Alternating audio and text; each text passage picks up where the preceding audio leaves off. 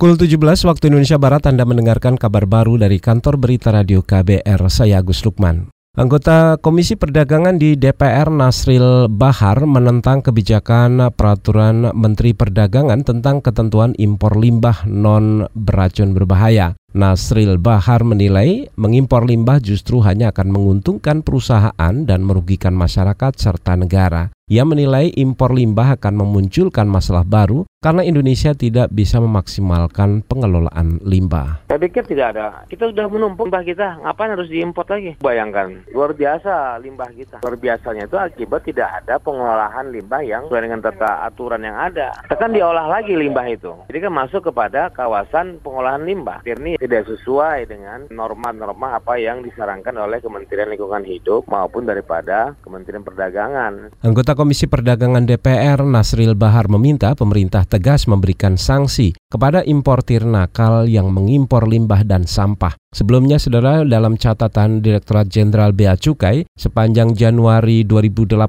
hingga pertengahan tahun ini, ada 60 ribu kontainer berisi sampah yang masuk ke Indonesia dari luar negeri.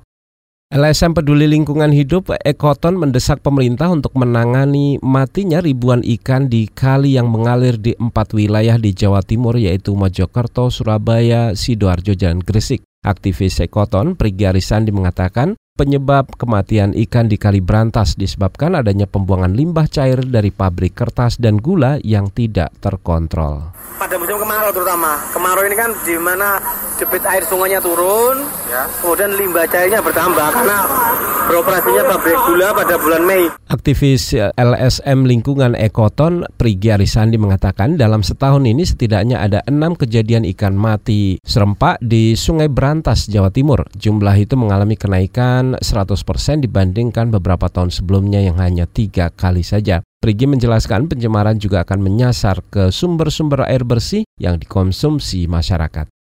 Beralih ke informasi hukum, terpidana kasus korupsi KTP elektronik Setia Novanto mengajukan permohonan peninjauan kembali atau PK atas putusan terhadapnya. Kuasa hukum Setia Novanto Magdir Ismail mengatakan ada pertentangan putusan serta kekhilafan hakim dalam menjatuhkan putusan yang menjadi dasar permohonan PK. Magdir berharap hakim membatalkan putusan dan memutus bebas kliennya dari semua dakwaan. Ini ini yang akan kita membuktikan bahwa uang 7,3 juta itu tidak pernah itu mengenai yang yang pokok ya soal pertimbangan begitu banyak pertimbangan pertentangan putusan dalam lima perkara ini.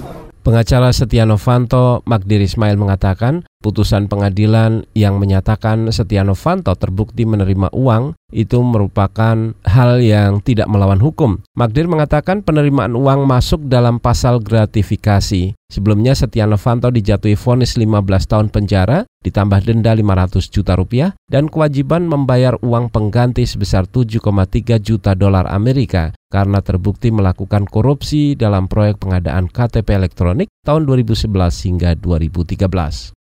Kita ke mancanegara, saudara Tiongkok menolak permintaan kapal perang Angkatan Laut Amerika Serikat untuk mengunjungi kota pelabuhan Qingdao dalam beberapa hari terakhir ini. Penolakan Tiongkok atas permintaan Amerika itu terjadi dua kali setelah sebelumnya juga menolak permintaan dua kapal Angkatan Laut Amerika untuk mengunjungi Hong Kong ketika krisis politik semakin memburuk. Penolakan ini ditengarai karena imbas memanasnya perang dagang antara dua negara.